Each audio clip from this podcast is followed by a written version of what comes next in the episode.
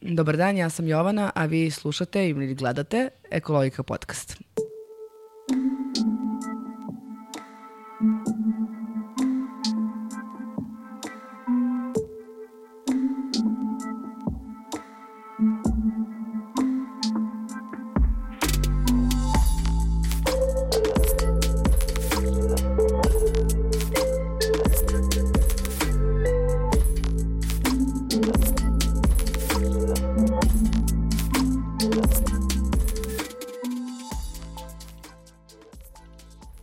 Današnjoj epizodi bavit ćemo se ekonomskim delom e-mobilnosti, odnosno šta privreda srpska može da dobije ovaj, implementiranjem e-mobilnosti u, na, u našu infrastrukturu. Zato je danas moj gost, savjetnik predsednika Privredne komore Srbije, gospodin Igor, Igor Koronanja. Igore, dobrodošli.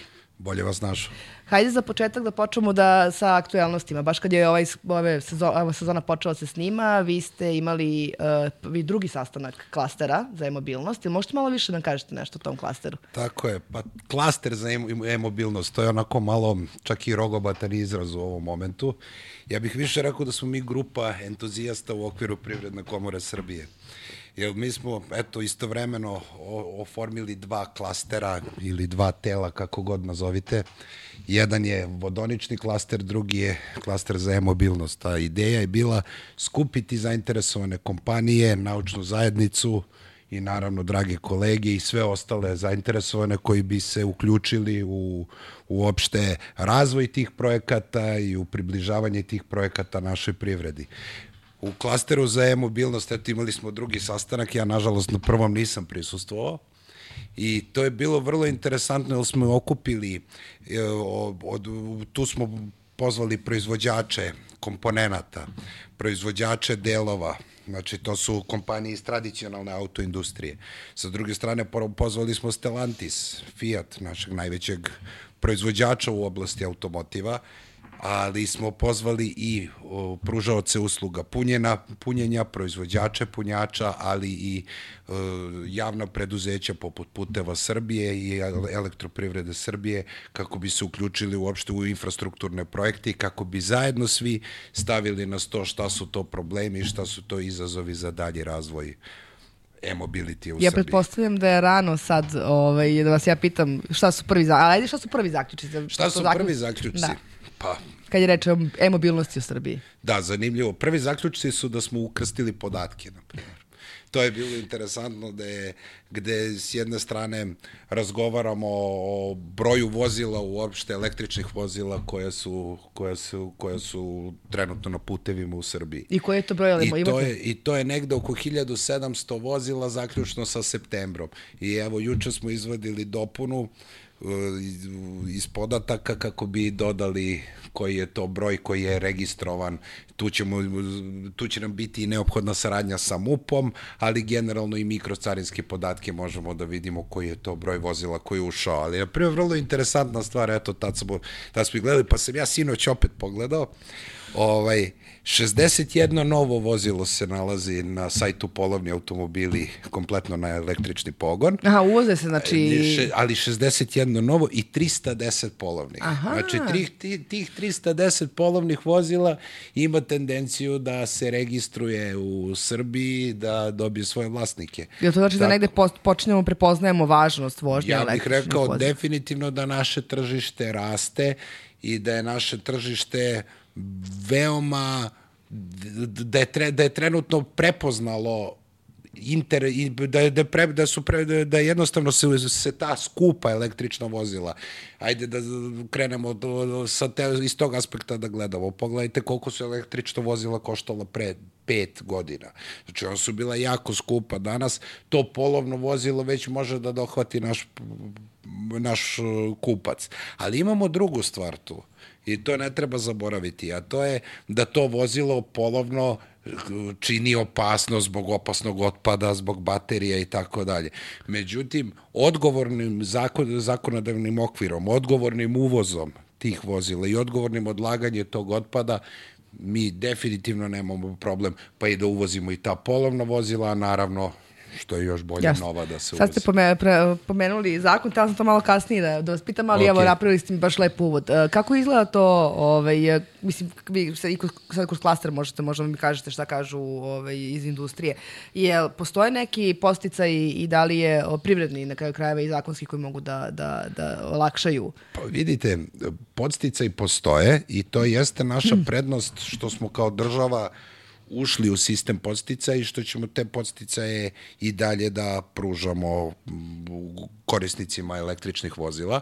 Oni mu se kreću od 250 do 5000 eura. Zavisi od a tipa to zavisi vozila. od tipa vozila. Da li, je, da li je hibrid vozilo, da li je plug-in hibrid vozilo ili je vo- vozilo totalno električno. A ja mislim da zavisi od toga, da, mislim da ima posticaj ne samo za kola, nego i za motore I za za, motorcikle i postoje motocikle, tako je, da, da. zato što e-mobilnost, što bi rekli, nije samo automobil, Upravo. To je jedna zabluda. Znači, to su sva prevozna sredstva. I počnite da, da smo mi svi verovatno nekad u životu koristili tu e-mobilnost, a to je recimo električni trotinet, pa trolejbus, pa gde je, gde je onaj autobus eto GSPO koji, koji, koji, je, koji je isto totalno električni, puni se na svakoj, na svakoj okretnici i vraća se nazad. Mislim da ide za Bežaniju ili nisam siguran u koji Jeste, deo na Novi. Beograd negde, Na Novi preko- Beograd, na Novi Beograd, da, e, da. to, to, to.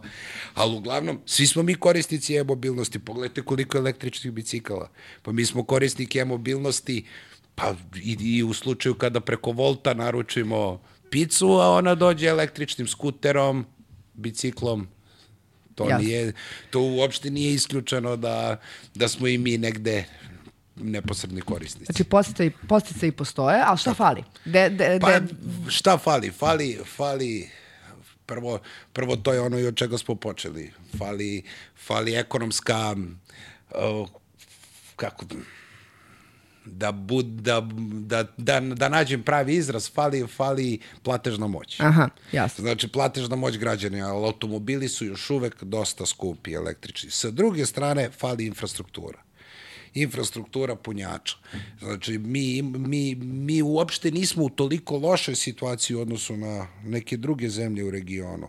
Ali ta, tu infrastrukturu je potrebno i poboljšati. Na primjer, sedam zemalja Evropske unije ima, ima ispod jednog punjača na 100 km. Što je problem s obzirom na to da će oni za 12 godina da izbace, to Tako je je. zabrane potpuno prodaju novih. Ali to je velika mogućnost. Jel da? velika mogućnost za njihove industrije, za razvoj proizvodnje punjača. Možda i za našu industriju. Mi bescarinski izvozimo u Evropsku uniju. Zašto ne bi mi snabdeli ta tržišta? Uh, moj, većina mojih sagovornika su nekako skeptični kad je reč o, o tih 12 godina i misle da Evropska unija neće biti spremna za to. Ka, iz, va, iz vaše perspektive, da li mislite da bi mogla bude spremna i da bi, bilo, da bi mogla Srbija tu da se, pričali smo već o... Vidite, iz moje perspektive, ti, ti, ajde recimo ciljevi, to kad kažu 12 godina. Evo, setite se, pre jedno 10-15 godina je bilo da više dizel automobila nema od 2020. Po koliko vidim u svim salonima postoji dizel automobil.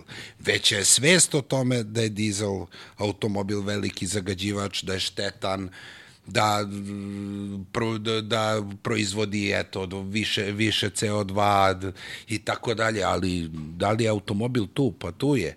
Da li je zabranjen ulaz dizel automobilima u gradove i, i tako dalje? Pa nije. Ali uglavnom toga smo postali svesni. A da li dizel automobil postoji u salonima? Pa postoji. Prodaje se. Svaki veći, svaki, svaki veći proizvođač ima dizel opciju. Apsolutno. Znači, Pomenuli ona je, da. ona je prisutna i ona će biti prisutna još neko vreme. Tako da, moja prognoza, ako mene pitate, do 2035. da li će biti izbačeni dizel motori iz upotrebe? Možda. Ako, ako, ako budu, super, bit će dobro. Ja trenutno vozim dizela, tako da držimo, držimo se toga da će sledeći da bude benzinac ili e, plug-in hibrid električni Nije lako auto. naći benzinca, ja sam, poku- mi smo pokušavali kad smo kupovali veliki porečni auto da uzmemo bez, benzinca, jer moj gradski je. Moj gradski je benzinac i meni je to bilo jako važno, pošto za električni, jel te, stvarno, stvarno su preskupi bili u trenutku kad su mi kupovali. I bilo je jako teško naći benzinca. Pa da vam kažem nešto, ja sam bio Mislim, ja pričam o novim autom, bilo je pričam o polovnim. O polovnim, pa pakalno, zato što je naše tržište takvo. Da. Eto, naš, pogledajte, na primjer, u Hrvatsku, kada pređete ili kad pređete u Sloveniju, vi vidite da uh, je benzin skuplji od dizela. A u Srbiji je dizel skuplji od benzina. To, to, to se odnosi, ja mislim, i na tražnju, i odnosno na, Sigurno. na količinu potrošnje. Zato što tradicionalno ljudi u Srbiji više vole dizel mašinu, kako je zovu, eto, dizel mašina. Malo pre ste pomenuli uh, da Srbija može da iskoristi to, to što je, u, je uvela zabranu, to je uvešće zabranu za 12 godina vozila sa motorom sa, sa unutrašnjim sagorevanjem. Na koji način možemo da iskoristimo? Gde je tu prilika za nas? Pa prilika za nas je prvo da iskoristimo svoju pamet. Mi imamo mnogo pametnih ljudi, mnogo, mnogo start-upova koji su došli sa genijalnim idejama, ali koje su prodate nekim velikim međunarodnim ko- korporacijama, multinacionalnim korporacijama i tako dalje. Neki primer ili? Pa generalno pogledajte iz oblasti IT-a, imamo mnogo primjera. Ali ne, ne bi čak ni izdvajao jedan, više bi izdvojio nas kao naciju koja zaista uh, je jedan rasadnik talenata. I sad kad pogledate imamo četiri naučno-tehnološka parka. Kragujevac, kao, kao centar automobilske industrije, imamo, na, ima, imamo univerzitet u Kragujevcu, odličnu saradnju sa njima i sigurno dosta projekata. Pogledajte Beograd, Beogradski univerzitet, Mašinski fakultet. Oni imaju drumsku strelu i oni se takmiče u u takmičenju e-formula, studentskih e-formula. Da, to stalo kažem, za one koji ne znaju, drumska strela je e-formula. E-formula, da. tako je, koju su naši studenti sa profesorima osmislili, dizajnirali i čak ja mislim da je 10 e-formula proizvedeno do sada. Eto. Pa to je zaista sjajno. Eto, to su, a na toj e-formuli se sigurno nešto nauči, patentira, otkrije i na kraju dana može biti plasirano na tržište. Sa druge strane, kod nas su se pojavili kompanije koje su veoma zainteresovane za proizvodnju punjača za električno vozila pogledajte, eto, pro, prost primer da, da naše tržište je možda malo za jednog proizvođača, pošto nemamo tu ekspanziju infrastrukture, ali Evropska unija ima značajnu ekspanziju infrastrukture punjača i na kraju dana veliku šansu za naše proizvođače, a mi bescarinski izvozimo na tržište Evropske unije, bescarinski izvozimo na tržište Ruske federacije, evo, uskoro ćemo i na tržište Kine izvoziti bescarinski, tako da treba koristiti te pogodnosti, a opet i volju i pamet naših ljudi kako bi ostvarili, kako bi ostvarili pozitivne rezultate uopšte u ovoj celoj situaciji. Pomenuli ste Kragujevac. Kragujevac? Jeste. Ove, i, i, i, ove, I ono što me interesuje jeste jedna stvar, jeste Fiat Panda električna. E, Pa. Fiat, pa prema najavama Fiata, a to je ja sad već izvanično, da bi trebalo da krene da, da, da otpočne proizvodnja sledeće godine. Koji su benefiti tu naši? Pa benefiti naši su prvo što ta panda će biti da, nacionalizovan auto u Srbiji, znači bit će made in Serbia. Ali benefiti, ja se nadam da će postojati neke, neki podsticaj za kupovinu te pande, za razvoj uopšte tržišta u Srbiji na, na plećima pande, kao što se uopšte mobilnost u Jugoslaviji razvila na plećima Fići, je li tako? Jasno. Tako da. Mislite da će Panda biti pokretač e-mobilnosti u Srbiji? Pa, ja se nadam. da ne? Ja se nadam, dobro zvuči. Da. Morate priznati. Kad pogledate, e-mobilnost nije ništa novo. Od krajem 19. veka je ideja o e-mobilnosti počela. To je, znači, napravljen je tricikl na struju. Nakon toga, 43. u, u Španiji nije bilo nafte, I onda su se dosite, dosetilo se taksi udruženje da naprave automobile na taksi kompanija, ne baš udruženje, da naprave automobile na struju koji su imali izmenjive akumulatore. Tako da sve te ideje su postojale i pre. Samo je sad stvar tehnologije i razvoja Napretka. i komfora. Jasno. O, pomenuli ste malo pre da se nadate da će postojati neki posticaj za pandu. Kak, šta je ono što fali? Ajde da kažemo, iz, šta kažu i vaše, vaše kolege u klasteru, šta, i negde iz vašeg iskustva, šta je ono što fali od posticaja trenutno u Pa Srbiji? vidite, fali- Gde mislite da ima prostora? Pro, po, podsticaj kao podsticaj ovi finansijski za nabavku vozila su u, u, korektni, zaista. Ali sa druge strane vi, vi, potrebni su podsticaj za razvoj infrastrukture. Ali, na primjer, prvi podsticaj za razvoj infrastrukture bi bila mogućnost prodaje električne energije, znači preprodaje. Mm -hmm. To znači da, da kompanija koja posjeduje punjače može da kupuje električnu energiju iz mreže i da je prodaje krajnjim korisnicima. Da ima svoju cenu, da, koja ide po kilovat času i to je neki, negde gde su i pro, potrošač i pružalac usluge i proizvođač energije zadovoljni. Vi kada pogledate eto, uopšte ta liberalizacija tržišta električne energije, kad, kad bi došao do nje, gde bi mogli, na primer, vi da proizvodite električnu energiju i da je prodajete na nekim punjačima koje imate, ne znam, ispred kuće, a da imate i za u dvorištu neku recimo vetroelektranu ili, ili solarnu elektranu, to bi bilo zaista sjajno. Jel time, jel time vi ne kupujete gorivo iz Ujedinjenih Arapskih Emirata, Ruske federacije, Irana, Iraka, već kupujete od svog komšije. Znači, tu nam se Jasne. opet razvija biznis i tu smo napravili dodatan postice da ljudi budu zainteresovani za proizvodnju električne energije, za pružanje usluga punjenja, za uopšte ulazak u bilo, u, u bilo koji deo lanca e-mobilnosti Kad pričamo, zemlji. da, kad pričamo, sad se baš lepo napravili uvod za, za sledeće pitanje, a to je, ovaj, mi kad pričamo o e-vozilima, pričamo znači, znači o vozilima na struju, ali nekako zaboravimo da pomenemo da ta struja baš nije najčistija i onda ne znam e. koja je poenta, ovaj, da li postoji, da li, da li postoji neka prednost ove, s obzirom na to kakva nam je, kak, kakvu struju se proizvodi u Srbiji i iz kojih izvora se stvari izlači. Naš energetski miks sad imaju, imaju onako više ovih e, izvora koje sam pročitao, pa recimo negde 70-30, da je 70 ugalj, da je 30 hidro, 65-35, 75-25. Uglavnom većinski ugalj, da. da. Što znamo svi i posebno mislim da je svest o tome krenula da se budi kada, je, kada, kada su krenuli u novinama da objavljuju koliko je zagađen koji grad. Pa onda napravljena aplikacija, je li tako? gde je bilo ono nivo zagađenosti u Beogradu, Novom Sadu, ne znam, na Koponiku, pa i Kosjeriću i tako dalje. Taj energetski miks je trenutno Nepovoljan. Nepovoljan, da. Najbolje rečeno nepovoljan, ali čak nepovoljan i za e-mobility.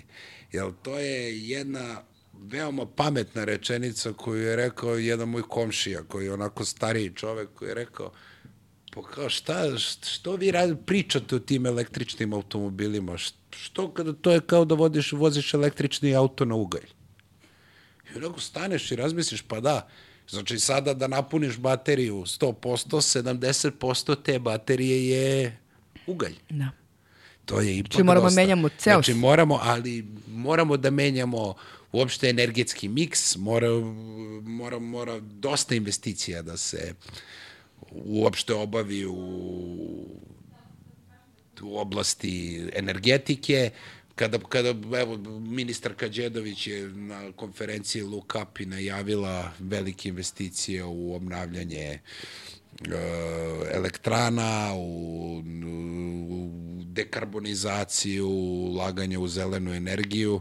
O, vidite, čak ono bilo je zanimljivih i rasprava, pa čak i bilo rasprava i uopšte zašto bi govorili o od, o, o, o samo zelenoj energiji. Zašto ne bi govorili o nefosilnoj energiji, a tu čak dolazi nuklearna, koja je ipak donekle čista, samo proizvodi taj nuklearni otpad. Tako da mnogo diskusija je na tom nivou, ali definitivno o, termoelektrane nisu budućnost. Absolutno. U prezentaciji jednog mog kolege postoji, postoji na primer, poređenje da čak i sa ovim energetskim miksom koji Srbija ima, da uh, onaj Volkswagen uh, IQ4, ja mislim da se zove, uh, u poređenju sa Golfom o, proizvodi manje CO2. Ali negde je malo ideja o automobilu na ugalj meni Da, odbojno. jasno mi. Uh, jedna od stvari o kojoj smo pričali baš u, pre nego što ćemo početi ovo snimanje jeste zdravlje. Ti si negde izvuku super, ovaj, uh, super podatak, pa eto, ajde da čujemo njemu šta je. Gde je najveći u stvari, gde je najveći pa da, uticaj kada, kada pogledate ono malo istraživanja međunarodnih eksperata, kaže e, da e, najveći, najveći uticaj, ekonomski uticaj mobilnosti su u suštini uštede u lečenju i u zdravlju, i u zdravlju populacije. Znači, na lečenje malignih bolesti i bolesti respiratornog sistema koje su uglavnom prouzrokovane uh, ugljeničnim uh, uopšte, uopšte zagađenjem, ovaj, možemo, možemo zaključiti da da su ogromne uštede u lečenjima, a sa druge strane e, bolesti poput astme, hronične obstruktivne bolesti pluća i tako dalje smanjuju radnu sposobnost populacije, a samim tim i uh, negde prave ekonomske gubitke. Ova teorija je meni onako kao čoveku, kao humanisti negde baš odbojna, ali u suštini vrlo istinita i tačna. Jer mnogi od nas se susreću sa alergijama, sa uh, astmama, sa raznim, sa raznim bolestima s kojima se naši preci očigledno nisu susretali. U toj meri mislim. Oni su s nekim drugim, ali dobro. U toj meri, da. Da, da, jasno mi. je. Uh, ajde vratimo na Srbiju, dosta smo pričali ovako opšte, ali uh, da li postoje neke procene i da li postoje neke predviđanja kako bi ovaj, uh, em- e-mobilnost mogla da utiče na naše tržište? Gde su tu plusevi i šta je ono što, mislim, pričali smo negde o, gde možemo da, da je iskoristimo Pa naše, naše tržište definitivno, kao što sam pomenuo, znači, s jedne strane može da dobije veliki, v- veliki broj novih radnih mesta, može da dobije, na primer, To tela vi- da izvinjam se, kad pre par godina je bio veliki štrajk rudara, su se za- zabrinuli za svoje poslove. Da. E, negde postoji ta, ta tradicionalno, taj strah da kada napuštamo neke, i to nije sad vezano samo za e-mobilnost, to je vezano za mnoge industrije, kada napuštamo neku industriju, zato što je zastarala, zato što da će mnogo ljudi ostati bez posla. A šta je ono, što, da li postoji neka vrsta prekvalifika- prekvalifikacije? Pa da vidite, li možemo to da... električni automobil u suštini posjeduje manje delova od tradicionalnog, konvencionalnog. Znači manje pokretnih delova. On bi trebao u suštini da se manje kvari i više tehnologije se koristi u njegovoj proizvodnji. Ali to je ono gde dolazi preduzetnički duh, o čemu ja i pričam sada, kada, kada smo pomenuli uopšte razvoj lanca celog e-mobilitija. Jer vi dobijate mogućnost da postanete proizvođač električne energije, podobijate da otvorite kompaniju koja će se bavi punjačima, punjenjem. Tako da cela, cela, ceo opus aktivnosti koji, koji prati e-mobility možda i veći od konvencionalne industrije. Mm -hmm. A sa druge strane, opet taj auto ima šofer šajbnu, opet taj auto ima vrata, a sa druge strane Ima lim. ima lim, a dolazi do de decentralizacije, što se može videti evo iz uh, poslednjih trendova, da Kina, na primer, postaje apsolutni igrač broj jedan u proizvodnji električnih vozila i samo u Norvešku prošle godine izvez, su izvezeni automobili iz Kine u vrednosti od 1,5 milijardi evra. Znači, to vam govori Norveška koja je najnaprednije tržište u e-mobilnosti u Evropi, vam govori da su došli neki novi igrači, znači više da li je, da li je Mercedes najpopularniji auto u Norveškoj ili Volkswagen? Pa nisam siguran više. Što biraju kineska umesto, za, je zbog cene Pa, ili... Ja mislim da tu ima više faktora, ali prvenstveno je ce- cena je jedan od faktora, ali pogledajte samo, nemojte zanemariti da je Kina trenutno svetski proizvođač broj jedan Jasno. u, te, u e-mobility tehnologijama, definitivno. Znači može da, da, da, da, da prosto i da dobaci do broja potražnje Može. koje je potrebno. Sigur, sigurno, sigurno i do broja vozila, ali i kvalitetom. Vi kada pogledate, Ki- Kina je, Kina je na primjer, i za evropska vozila sklopovi baterija se sastavlja u Kini. Tesla se sastavlja u Kini za evropska vozila. Znači, kako se dobija uopšte ta kao nacionalizacija baterije? Pa tako što se u Evropi sipaju tečnosti u baterije i tako dalje, a ostatak, sve, ostatak, taj katodni materijal i sama baterija se proizvedu u jugoistočnoj Aziji, najviše u Južnoj Koreji i Kini. Jasno. Uh, malo pa smo pričali o, o Stellantisu i o, o Pandi, jel te? Gde još ima prostora za, gde vidite, da li još neke kompanije kod nas mogu da aktualne koje trebamo Pa, rade? I da li rade neke već? Po, postoji, u postoji industriji? Alpak u Subotici, ima tu, tu kompaniju 7-Eleven, koja se bavi proizvodnjom baterija i koja ima razvoj baterija. To je eto jedna od interesantnih ovaj, trenutno aktuelnosti interesantnih u Srbiji, a generalno postoji ogroman potencijal. Vidite, ceo zapadni Balkan je veoma interesantan za razvoj e-mobility-a, obzirom da je bogat redkim uh, redkim elementima koji su potrebni za proizvodnju automobila, ali ajde da sklonimo na stranu rudarstvo. Razmislimo samo o situaciji koja se desila u Suetskom kanalu 2000 20. 19. 20. kada je Ever, kada se Ever Given preprečio i kada je su stali lanci snabdevanja. Evropski proizvođači vuku mnogo dijelova, sirovina, polugotovih proizvoda iz jugoistočne Azije. Tada smo shvatili da je to nekad skuplje.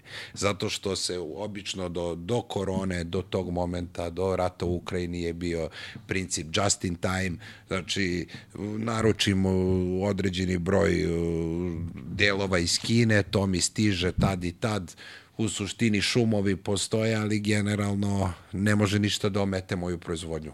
Proizvodnja je stala u vreme, prvo za, za vreme Evergivena, onda u vreme korone, a onda ukrajinska kriza. Znači, proizvodnje su stale i evropski proizvođači su shvatili da im je potrebno, da su im potrebne bliže sirovinske baze, pa makar bile iskuplje. I to je taj princip near, near, near shoringa, odnosno near sourcinga koji, koji negde i Evropska unija zastupa u odnosu na Zapadni Balkan.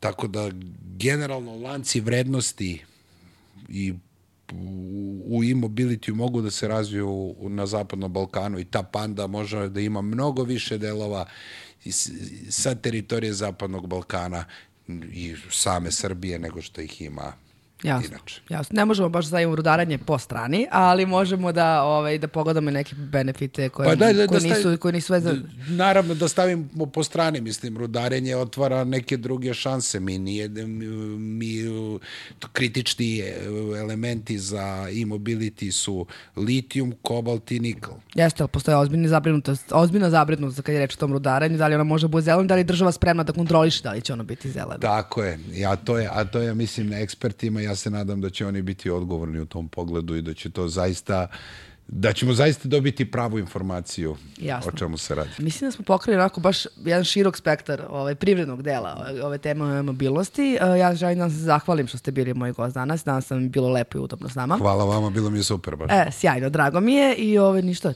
čitamo, čitamo, čitamo se sledeći put kad bude klaster, pa ćete nas updateovati šta je, šta se desilo. Dogovoreno možete i da prisustvujete. O, dogovoreno, sve smo se dogovorili. Sve Hvala vam. Sve dogovorili, prijetno.